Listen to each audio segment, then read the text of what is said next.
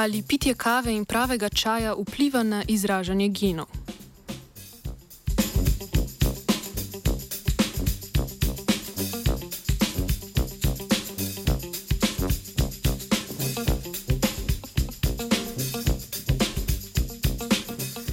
Mednarodna raziskovalna skupina je v publikaciji Oxford University Press objavila raziskavo, v kateri so preučevali vpliv pitja kave in pravega čaja na metilacijo DNK.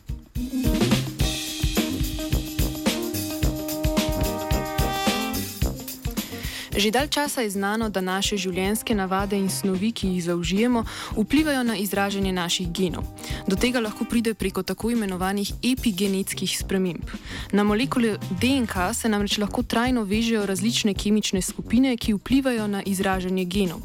Epigenetska sprememba pomeni, da se vzorec teh kemičnih modifikacij prisotnih na molekuli DNK spremeni, pri čemer pa samo zaporedje DNK ostane enako.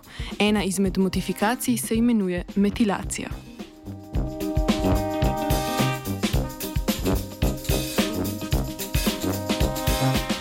Med dejavnike, ki vplivajo na naše zdravje, spadata tudi pitje kave in pravega čaja.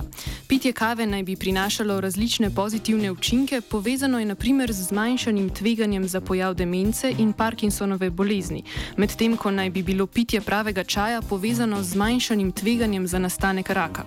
Po drugi strani pa je lahko pitje kave povezano tudi z visokim pritiskom in različnimi tipi raka.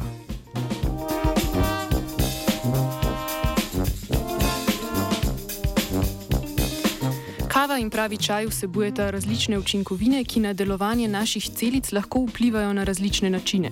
V omenjeni študiji so se vprašali, ali pitje kave in pravega čaja povzroča epigenetske spremembe, natančneje metilacije na molekuli DNK, ki bi lahko privedle do sprememb v izražanju genov.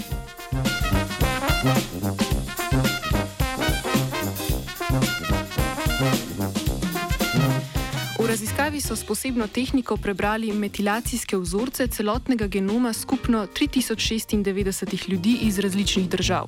Odkrili so, da imajo ženske, ki pijejo pravi čaj, spremenjen metilacijski vzorec nekaterih, na nekaterih regijah DNK.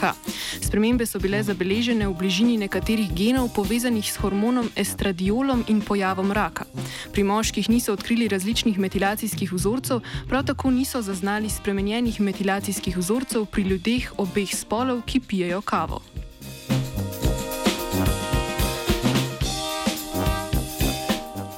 Iz študije sicer ne moremo potegniti dokončnih zaključkov ali vzročno-posledičnih zvez, pokazala pa je možne mehanizme delovanja učinkovin v pravem čaju.